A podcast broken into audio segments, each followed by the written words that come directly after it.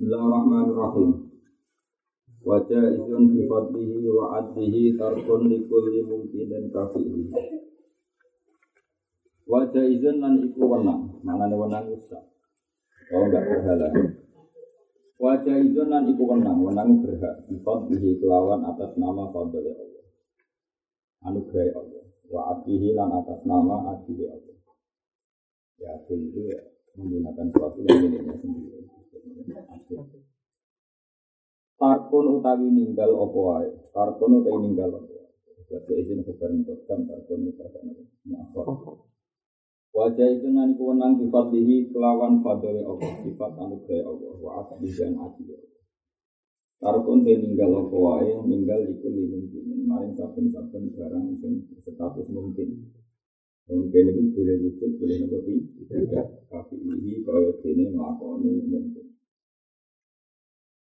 Misalnya contoh gampang, Allah nggak bumi itu sifat gaib. Andai kan tidak ada bumi juga nggak ada apa. Karena tetap barang mungkin. Ya. Ketika setelah wujud, itu status ketiadaan bumi juga masih mungkin. Karena wujudnya bumi bukan wujud yang wajib. Ya. Bukan wujud yang wajib. Nah, begitu juga misalnya sebetulnya secara ilmu oleh Allah mergono mukmin yang suwargo ya tetap nomor sisi karena fadli fadli Allah itu anugerahnya Allah yang tidak ter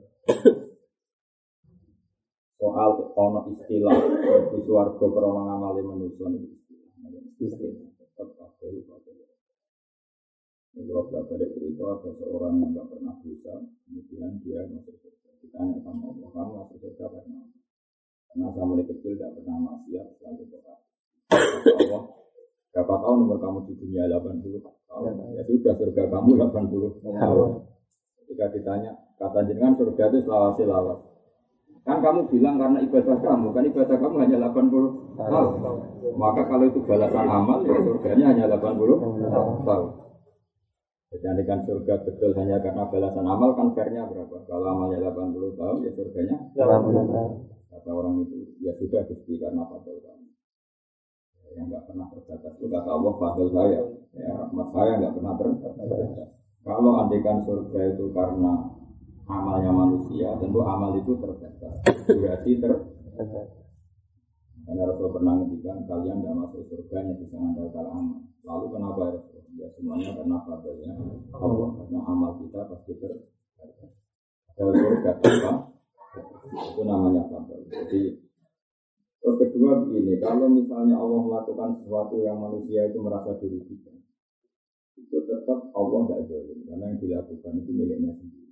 Miliknya sendiri. Alam raya semua ini kan miliknya Allah. Itu ketika Allah melakukan apa saja nggak pernah zalim karena melakukan sesuatu yang pada miliknya sendiri. Karena yang dikatakan zalim adalah melakukan sesuatu pada milik orang lain. Paham ya? Nah, itu namanya dolim, apa? Tapi kalau miliknya sendiri mau katakan dolim gimana? Wong milik miliknya sendiri ya terserah gue, kau terserah, terserah. Misalnya ada piring, ada piring tiga, piring tiga itu milik kamu. Yang satu kamu pakai wadah nasi, yang satu kamu pakai wadah kerupuk, yang satu kamu pakai ada obat nyamuk. Yang bagian ada obat nyamuk ini kan bagian sial. Tapi kan tetap nggak bisa disalahkan untuk piring kamu, apa? Ya terserah kamu. Tapi kalau kamu pakai piring orang, meskipun kamu pakai yang semestinya, pakai piring orang, sab, kemudian kamu pakai tempat nasi, tetap salah memilih orang. Paham ya? Tapi kalau milik kamu sendiri ya terserah. Makanya Allah itu tidak mungkin karena apa pun yang dilakukan pada miliknya sendiri. Bahkan orang menyoal itu sudah dolim karena nyoal sesuatu yang nggak milik miliknya. Rawlah gak protes. Ya gusti, kalau bina paling pesek rawlah. Memang itu di rumah rawlah sekali. Gusti rai kok ngeten terus piye dari terserah pengiran sing gawe. Agak protes malah paling ambles. Tapi wong nyak ngelak ya ora lagi yo kreasine pengen. Anggap bae mungkin gantengin ra kepok Jadi aku belajar itu sifat ini ini tarikul likul limuminin. Arsalan utus sapa Allah taala, arsalan utus sapa Allah taala ambia ing boro Ya karena darurat nazam ditulis tanpa hamzah. Ambia ing boro nabi. Ya kalau mengaturkan hanya arsala ambiya dari fatona. Sifatnya para nabi dari fatona dan kan gue kecerdasan. Ya jadi harokat saya itu standar nafsu ya. Tapi kalau nazuman itu sesuai harokat ya. Kalau nazuman sesuai harokat karena itu ada darurat apa? Darurat dan darurat nazuman. Arsala ngutus sapa wa taala ambiya ing grogro nabi. Nabi dari fatona kan ini kecerdasan. Selain cerdas, disidki terus dua sifat jujur, sifat benar. Benar itu orang maknanya ra jujur, benar, benar itu dure jujur. Jujur kadang ra benar. Jadi sidik itu dure jujur. Kadang jujur itu kebodohan. Jadi misalnya kita contohkan ulama fikih, jujur kebodohan ini. Ada penjahat mau garong perempuan atau mau merkosa perempuan itu. Kemudian perempuan itu sembunyi di satu tempat. Ketemu wong soleh keblek apa? Soleh Soleh tapi mau cara bangun jasa kusuan jasa jasa. Mau mbak mau tong putih, tong Itu kan jujur. Tapi tuh orang. Geblek. Geblek. Karena memberi kesempatan orang zalim menangkap buruannya. Dan karena kejujuran kamu, konangan. Jadi jujur tapi goblok. Jujur tapi goblok. Makanya nggak boleh. Jadi nggak boleh orang muja jujur sambil langit. Tetap nomor satu itu ilmu. Makanya kalau kita pakai ada aturan-aturan di mana bohong itu kadang wajib. Bohong itu kadang wajib, yaitu contohnya ada garong, mau garong seseorang. Kemudian kamu sebagai pembantunya misalnya ditanya tempat penyimpanan emas di mana. Ada penjahat mau merkosa orang, kamu ditanya itu di mana. Mereka sudah sembunyi semua, tapi kamu kejujuran menunjukkan tempatnya. Nah, itu kan haram karena menjadikan keburukan apa? Menjadi keburukan. Terus kalau ditanya, tapi itu kan, tapi itu kan bohong. Kategorinya itu ketika kamu tidak jujur bukan bohong namanya. Memang kecerdasan, apa? Kecerdasan. Karena kalau kamu jujur itu namanya nggak nggak kejujuran, kebodohan. Bodohan. Jadi sebenarnya yang seperti itu namanya nggak jujur, bodoh. Nama? Bodoh. Jadi orang akan sepakat yang seperti itu bodoh, bukan bukan jujur, tapi orang sepakat seperti itu itu bodoh. Paham ya? Jadi ada aturannya, makanya pikir itu kuat. Ketika kita apa, ditanya ada orang mau merkosa perempuan atau mau menggarong, kemudian kamu ditanya, kok jawab semestinya? Itu orang pasti sepakat itu tidak jujur, tapi kebodohan. ya kan? Tapi tentu Nabi itu nggak pernah bohong, nggak pernah. Tapi juga nggak pernah jujur yang bodoh, ya jujur yang yang bodoh. Karena kalau ada jujur bodoh, nanti agama ini rusak. Ya semua Nabi itu di fatwa punya kecer. Misalnya gini, cuma bedanya Nabi sama orang gini. Kalau fukoha itu kan membolehkan bohong. Kalau Nabi tentu nggak mungkin bohong. Tapi Nabi tetap punya cara supaya kecerdasan itu menjadi elah. Elah itu ya elah, nggak bisa diterjemah. Misalnya gini, andai kan selimut Rasulullah itu tidak diberikan Sayyidina Ali. Kita tahu kan ketika Nabi dikepung dan beliau memutuskan hijrah, kan Sayyidina Ali disuruh pakai selimutnya. Andai kan Nabi tidak punya trik seperti itu, maka ketangkep. Karena orang kafir melihat selimutnya Nabi, sehingga dikira Nabi masih di dalam. Ternyata Nabi sudah keluar sama Abu Bakar. Oh, Keluarnya pun pakai kecerdasan. Misalnya arah Medina itu ke barat, Nabi jalannya ke timur. Baru nanti suatu saat muter ke arah barat. Tapi nggak langsung ke barat. Sehingga orang nggak langsung ngejar ke arah barat. Karena Nabi bekas-bekasnya ke timur. Nah seperti itu Nabi nggak bohong. Karena Nabi juga nggak ingin bohong. Ya melakukan sesuatu yang orang bisa nggak tahu. Tapi bukan bohong. Makanya Nabi itu manusia super. Nggak bohong tapi menjaga kecerdasan. Nggak bohong tapi menjaga kecerdasan. Ketika orang kafir tahu, wah Muhammad tenang saja masih di kamar. Tapi beda ternyata itu Sayyidina Ali. Setelah dikejar ke arah Yastrib ke barat, ternyata Nabi arahnya ke timur. Ya cara Indonesia itu ibarat orang mau ke Jakarta, ke timur dulu, mungkin terus muter Ngawi atau mana, lewat Solo, terus baru mengarah ke Jakarta. Bukan langsung pandangan ke Lasem kira-kira itu. Makanya semua Nabi itu punya kecerdasan. Punya. Tapi nggak bohong, itu kelebihannya. Kalau kamu kan nggak bercerdas itu kamu bodoh. Kamu serapakan Nabi dan cerdas ya bodoh. Nah, Nabi itu enggak, ya cerdas tapi enggak enggak bodoh. Karena uang arah Nabi yang berjujur goblok kan kan repot. Jadi jujur goblok, nak cerdas bodoh itu nasib uang arah Nabi. Ya tapi rampok arah Nabi. Rampok itu ya dia menang. Dia menang. Ditekir gak sempurna, apa? Ditekir. Makanya itu beda ya. Begitu juga semua yang dilakukan. Jadi apa, unik. Nabi itu memang unik, punya kecerdasan tanpa bohong. Ya, memang itu tidak gampang, punya kecerdasan, saya tidak usah bohong. Isit kelawan benar. Ya, jadi benar di antara turunan benar itu macam-macam. Karena tadi benar itu luar biasa. Benar itu di atas jujur. Karena tadi kadang jujur itu tidak benar ya. Tadi kamu jujur jawab perempuan itu di sini. Sementara tanya jadinya itu kan jujur tapi tidak benar. Tidak benar. Watablighi lan kudu nyampe nori salah. Jadi syaratnya Nabi menang nyampe nori salah. Tidak boleh Nabi menyembunyikan ilmu. Wal amanati lan kena dipercaya. Tentu di antara sebab Nabi itu bisa. Bisa dipercaya itu bukan sekedar jujur. Dia sanggup menerima beban. Itu juga bisa dipercaya. Misalnya gini, ada orang jujur tapi goblok. Kan untuk orang wahab gak bisa dipercaya. Bener jujur tapi orang rasa mocok. Amanat itu artinya? Punya kemampuan menerima beban apa? Punya kemampuan menerima, menerima beban. Jadi selain jujur punya kemampuan menerima beban. Makanya semua nabi itu harus ada, harus kuat. Karena kalau tidak kuat, dia ada jujur. Ini dia nggak kuat menerima kebenaran atau bertanggung jawab terhadap proses apa? Kebenaran. Wajah izun fi haqqihim min arodin biwiri nafsin kafofi fil marud. Wajah izun lan iku menang, manane wenang usah sifat ihim dalam pakai para nabi min arodin utawi sifat kemanusiaan sifat yang hanya teko mana sifat kemanusiaan. Semua nabi bagaimanapun hebatnya mereka manusia maka boleh punya sifat kasari kasari tapi syaratnya biwiri naksen kang orang urangi derajat para nabi. Biwiri naksen kang orang urangi derajat para nabi. Kakofi fil maroti koyok loro sing ringan. Kakofi fil maroti koyok loro sing jadi ini yang diyakini saya Marzuki. Jadi hampir semua ahli sunnah sepakat semua nabi itu boleh sakit, tapi hanya ringan.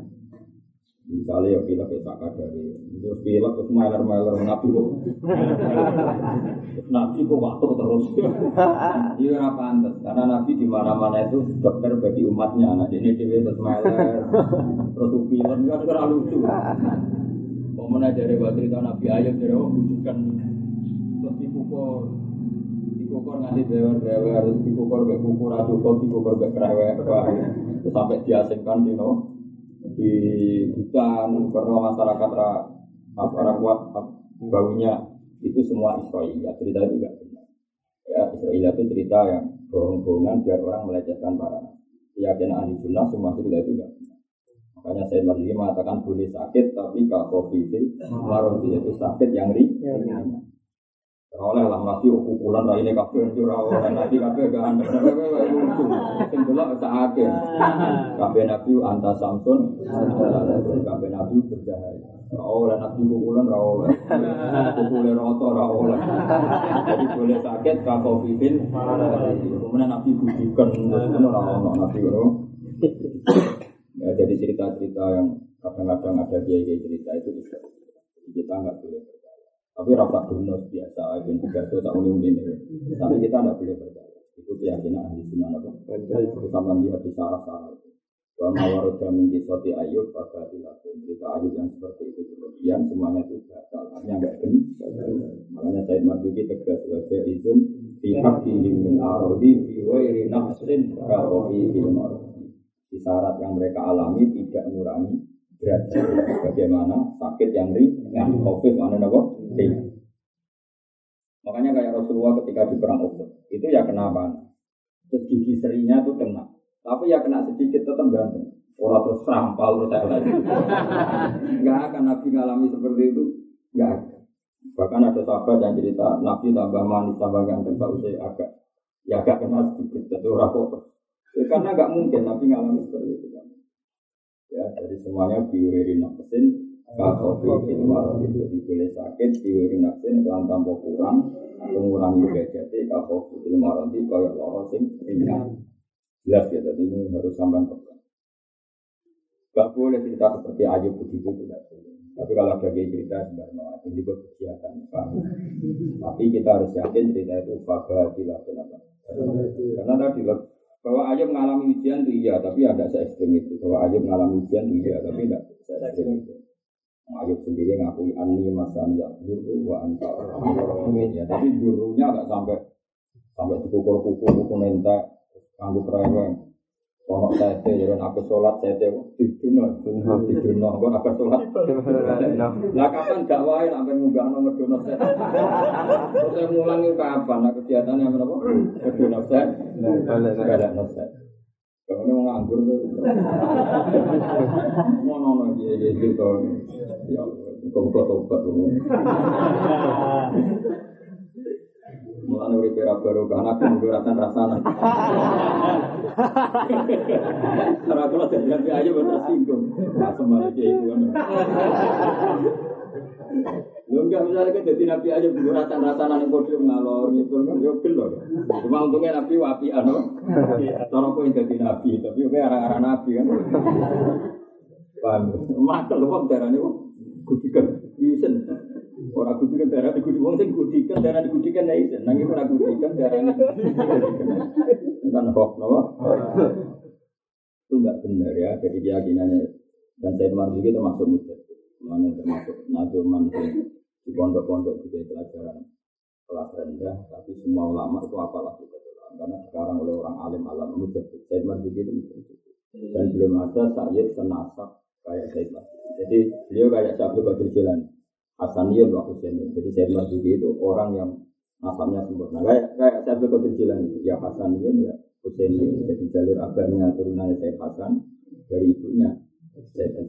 Jadi jarang mujaddid yang Hasaniyun wa Husainiyun kayak Syabdu Qadir Jilani dan Sayyid apa? Marzuki. Ya yang ngarang kita pakai.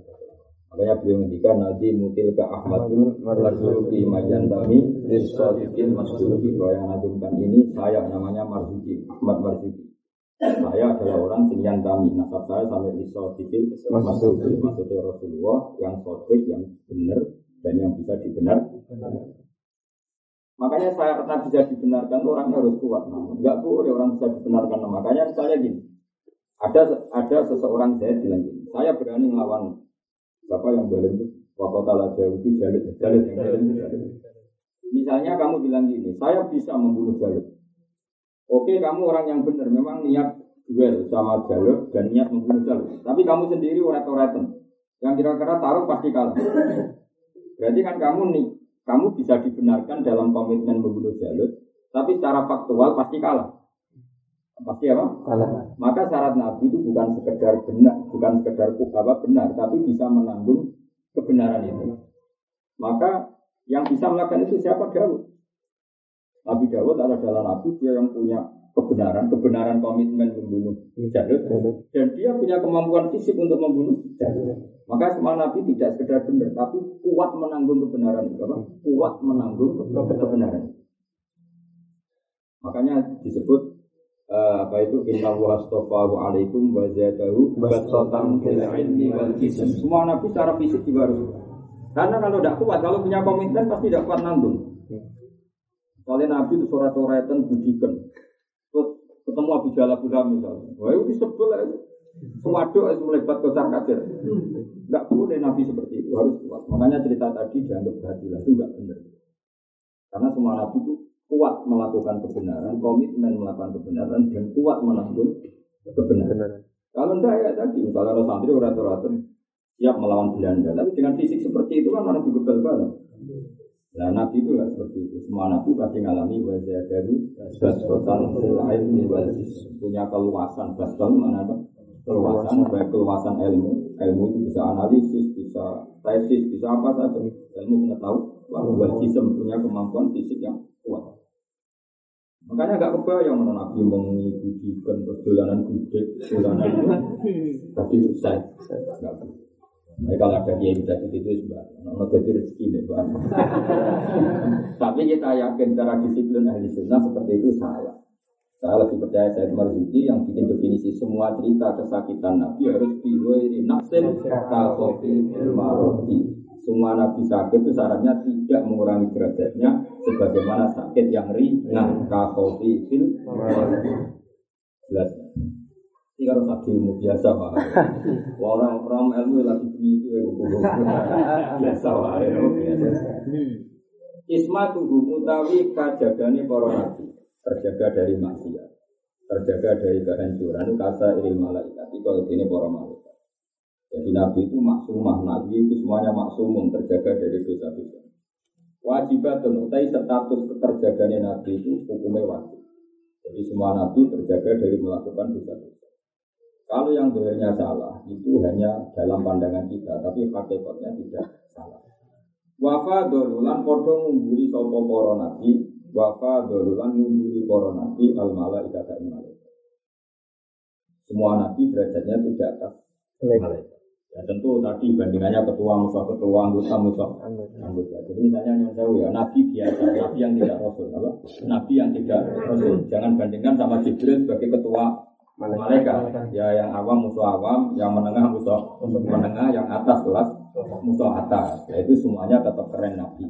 Apa? Dan misalnya gini, ketua malaikat kan Jibril dibanding ketua Nabi Rasulullah Muhammad Shallallahu Alaihi Wasallam tentu Abdul kan Nabi Muhammad. Tapi misalnya ada nabi yang tidak rasul, misalnya Daniel, apa Yosua, Musa itu. Musa itu kan nabi benderanya Nabi Musa. Ya tapi tadi orang Yahudi mengenang jadi Yosua apa? Daniel itu kan yang nama nabi benderanya Nabi Musa. Tapi ya tadi yang pakai itu hanya orang-orang Yahudi. Sarah istrinya Nabi Ibrahim yang pakai juga orang-orang Yahudi. Nah tentu jangan bandingkan misalnya bagaimana Nabi Musa dengan Jibril. Ini kan yang tahu kan awamul ambiya, kamu musuhkan dengan ketua. Nah, dia cara bandingnya jangan gitu. Yang ketua yang musuh ketua yang menengah yang musuh menengah yang jauh yang awam yang musuh awam. Tidak boleh kan bandingan seperti itu itu tidak fair? Bandingan seperti itu. Tapi tetap terjaganya nabi dari desa itu berstatus wajib kayak malaikat. Dan para nabi itu keunggulan bahwa dulu dan nabi itu mengungguli para malaikat. Lawal mustaqilu tawi sifat mokalu dibutuli wajibin wali ane sifat-sifat wajib. Ya kita tahu kan sifat wajib 20. Berarti sifat mokal ya 20. Ya, sifat wajib berapa? 20. Berarti sifat mokal 20. Kalau Rasul sifat wajib 4, yang mokal juga 4. Tentu itu yang wajib kita tahu. Apa yang wajib kita tahu.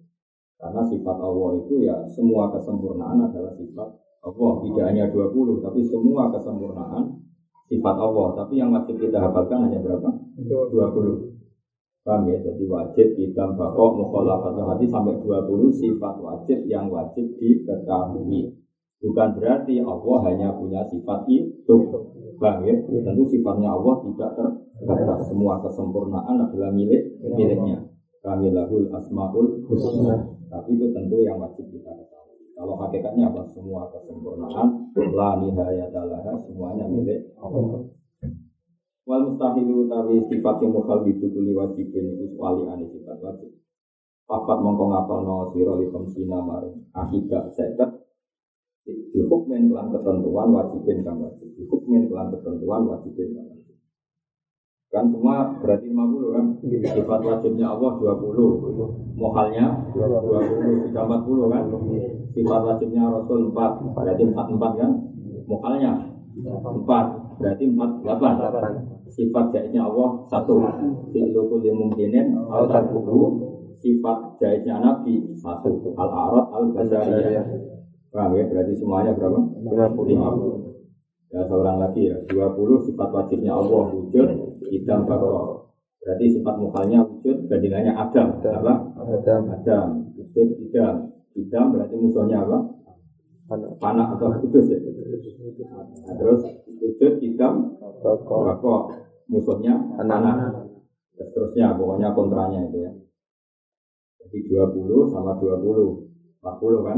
Sifat wajibnya Rasul 4 titik amanat tabligh amanat waliannya mokal ya. Misalnya nabi tidak bisa dipercaya.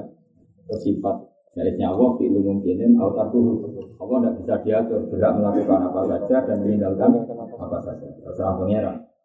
Sifat jaisnya Rasul boleh punya sifat basaria tapi sarannya tadi kasih jadi misalnya makan tuh halal tapi orang orang dalam nabi makan rong piring itu apa ya? Tidak punya harga diri kan mau makan rong piring nanti Jadi misalnya misalnya rokok itu kok halal tenang, misalnya rokok halal ya orang kebayang nabi kok rokok dan dan karena itu merusak derajatnya apa? Kok mana dolanan belum? Ini orang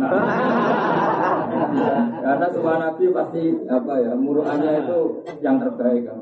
Ini nafsin, kalau oleh bayang nabi, kok mana bayang nabi be ora ono. Ya semua yang dilakukan Nabi atau wataknya beliau semuanya biwai nafsin yang kira-kira tidak mengurangi derajat beliau. Tafsiru khamsatin wa isrina lazim utawi perinciane lima lan rong iku lazima.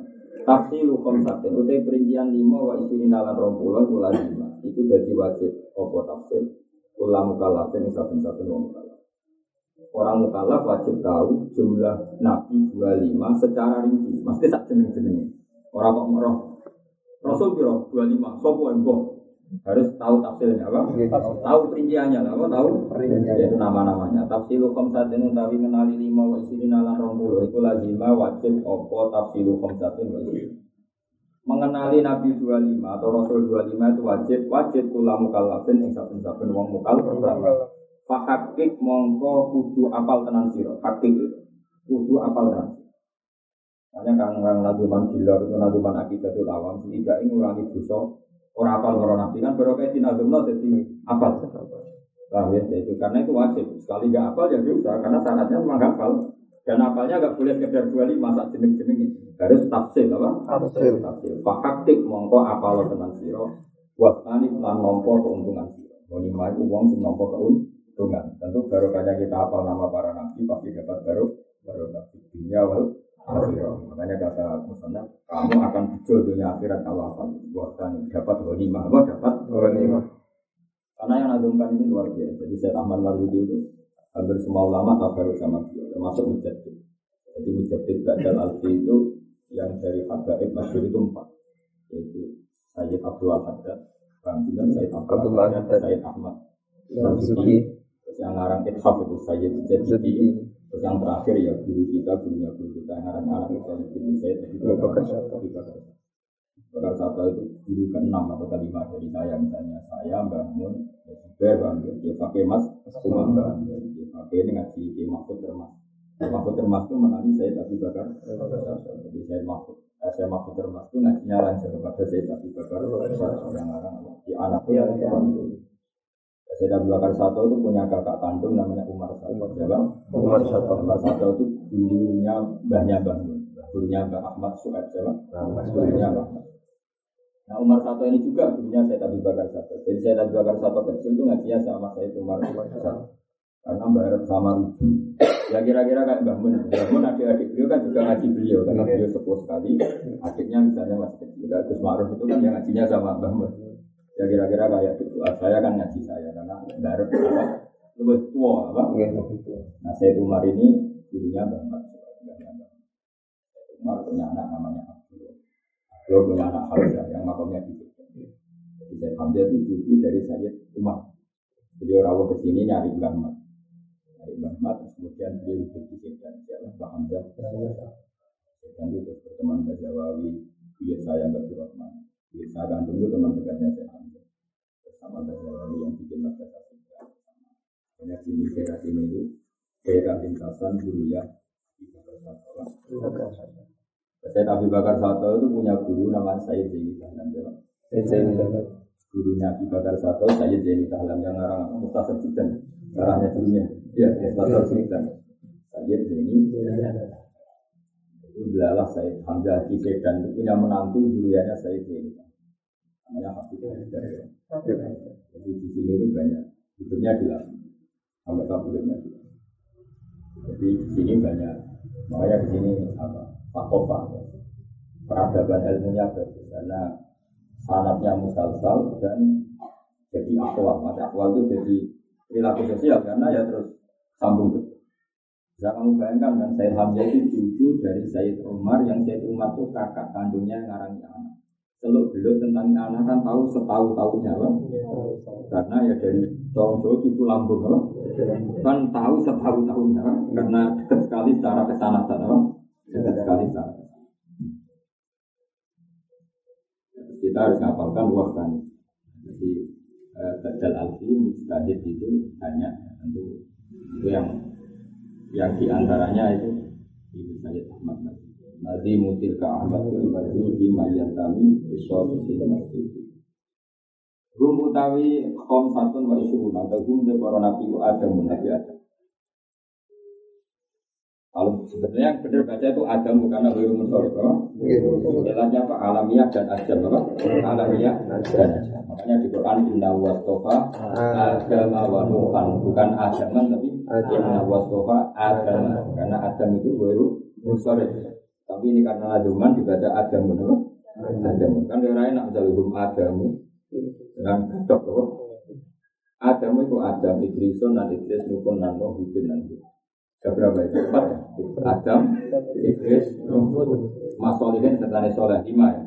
Ibrahim dan Ibrahim, enam. Kulon utai para nabi kafe, kumutabaun kena jinut. Kulon utai para nabi kafe, mutabaun kena jinut. Tentu semua nabi bisa diiku, diikuti. Luton dan Nabi Lot. Berapa tadi? Tujuh. Wa Ismail dan Nabi Ismail. Wa Ishaqul dan Nabi. Ishak itu saudaranya siapa? Ismail. Sama-sama bin Ibrahim. Sama-sama bin Ibrahim. Ishak ibu Sarah. Ismail ibu Hajar. Ya. Ishak ibu Sarah. Ismail ibu Hajar. Kada kalau mengira Yakub itu Yakub. Yakub itu bin Ishak apa? Yakub itu bin Ishak. Yusuf dan Yusuf. Yusuf itu anaknya Yakub. Dan Yusuf bin Yakub bin Ishak bin Ibrahim. Ya, Yusuf bin Yakub bin Ishak bin Ibrahim. Wa Ayub dan Ayub. Bisa buktikan ya dari apa? Ya, saya tahu cerita ngono itu tobat. Sebelumnya di pasar Nabi aja Tapi mungkin gue era masuk. Nabi aja paling diceritakan buktikan ya menengai. Nabi wabian. Cuma ya tetap gak enak wahai dia kalau begitu. Istada jadi segaris, mesti istidah itu segaris bapak Nabi aja. Maksudnya dia beliau dalam garis para nabi. Tapi gue nabi mantap. Istada kan jadi segaris bapak aja. Maksudnya segaris sederetan para nabi. Suhaib itu Nabi Suhaib. Nabi Suhaib itu mertuanya Nabi Musa. Siapa? Mertuanya Nabi Musa. Jadi tongkatnya Nabi Musa yang sakti itu warisan dari mertua. Dari siapa? Sebenarnya yang keren itu Nabi Suhaib. Jadi Nabi Musa itu e, ngajinya banyak, berguru kenabian itu sama Nabi Suhaib. Enggak mungkin mau guru ke Fir'aun. Ciliknya kan di rumah Fir'aun, kan enggak mungkin mau guru Jadi beliau mau guru jadi nabi itu sama Nabi Ya tentu memang sudah dipilih Allah jadi nabi, tapi cara kearifannya apa-apa itu setelah di tempat itu. Nabi Suhaib ketika beliau layak dikasih tongkat. Jadi tongkat keramat beliau itu dari Nabi Suhaib. Itu mertuanya beliau. Harun dan Harun. Harun itu kakaknya Nabi Musa. makanya didahulukan karena Meskipun yang awal jadi nabi itu Musa, dan Nabi Harun jadi nabi atas permintaan Musa, tapi lebih sepuh ya Harun. Jadi Harun itu kakaknya. Makanya bangun sering ngendikan belum ada nazuman para nabi yang urut kayak akibat utama. Jadi satu-satunya nazuman yang nabi urut sesuai periodenya itu hanya kitab akibat awal. Ya kita tahu kan Adam nabi pertama, kedua memang Idris, ketiga memang Nuh, keempat memang Pokoknya semuanya urut, apa? Urut. Kayak Harun dan Musa memang sepuh Harun. Su'eb tentu lebih sepuh. Wal yasa ala nabi yasa. Zulkifli itu yang itu wal yasa ala nabi yasa. Zulkifli itu nabi Zulkifli. Yasa sama Zulkifli itu beda. Wal yasa ada sebuah kifl. Lan Zulkifli. Dawud itu lan nabi. Sulaiman lan nabi. Kita engkang anut sopo Sulaiman. Itu Sulaiman itu posisi kita engkang anut sopo Sulaiman. Kan sepuh Dawud kan? Karena Sulaiman bin Dawud. Ya. Sulaiman itu bin, bin Dawud. Ilyasu lan Nabi Ilyas. Yunus lan Nabi Yunus. Zakaria lan Nabi Zakaria. Yahya lan Nabi Yahya. Yahya bin Zakaria. Isa lan Nabi Isa. Terus terakhir wa toha lan kanjeng Nabi Muhammad sallallahu alaihi wasallam sing gelar nama toha. Utai kanjeng Nabi toha iku khotimun Nabi penuh tok. Ya Nabi penuh tok dak ninggalo sira napa? Dak ninggalo sira napa? Di lamar napa? Dak ninggalo sira goyan ing kelakuan dak ninggalo sira goyan ing kelakuan kamu harus meninggalkan semua sifat keburukan. So rapal nang rumah. Itu apa ane kang kami ngapal kang lor masih oh iki keren begini nyebut Ya kan barokahnya nazuman karena kamu tiap hari nyebut orang-orang soleh, nyebut orang-orang soleh itu tatanan jalur barokah menjadi berkah Dan barokahnya dinazumkan berarti anda kan menyebut orang-orang soleh, bahkan di atas soleh itu para nabi. Alaihim itu tetap yang atas para nabi, alaihim itu tetap yang atas para nabi, as-salatu wa rahmat azim wa salamu lan salam. Terus alaihim salatu wa salamu wa alaihim lan muga-muga utawi sholawat itu ya ning keluarga-keluargane Nabi. Keluarga Nabi itu ada dua, ada yang gen kan para habaib ini namanya keluarga Nabi karena gen. Atau keluarga karena kesamaan sifat itu al ulama warasatul ya, karena para nabi punya sifat alim dan tentu para orang-orang alim termasuk warasatul ya, para pewaris nabi. Paham? Kalau misalnya gue kepengen jadi waris Nabi ya gue pikir, aku ya pikir, ya pewaris, paham ya? Ada kesamaan, apa? Sama, itu lumayan, apa? Maka mat lagi ini ijek opal ayam biro biro Maksudnya semoga sholat dan salam untuk mereka semua dan keluarga itu tadi. Kata Imam Nawawi keluarga itu kullu mukminin wa kullu tabi'in. Karena Quran juga menghentikan waladzi nattaba'uhum bi. Jadi seorang lagi ya. Zaman Rasulullah Sugeng juga nyebut keluarga itu dua. Kulu nasabin, wasabin, mengkotikun, yawmal qiyamah, ila nasabin, wasabin. Jadi hubungan kita dengan Rasulullah satu kayak para habaib, para keluarga Nabi, dua. Karena kesamaan sifat. Nabi mukmin kita mukmin, Nabi suka ilmu kita suka ilmu, Nabi sholat kita sholat. Tentu semua ini menjadi berstatus pengikut. Nah pengikut itu ya keluarga besar beliau. Apa? Pengikut itu ya keluarga besar beliau. Disebut waladina Ada masalah kini coba yang menjawab. Mana ini selawasnya?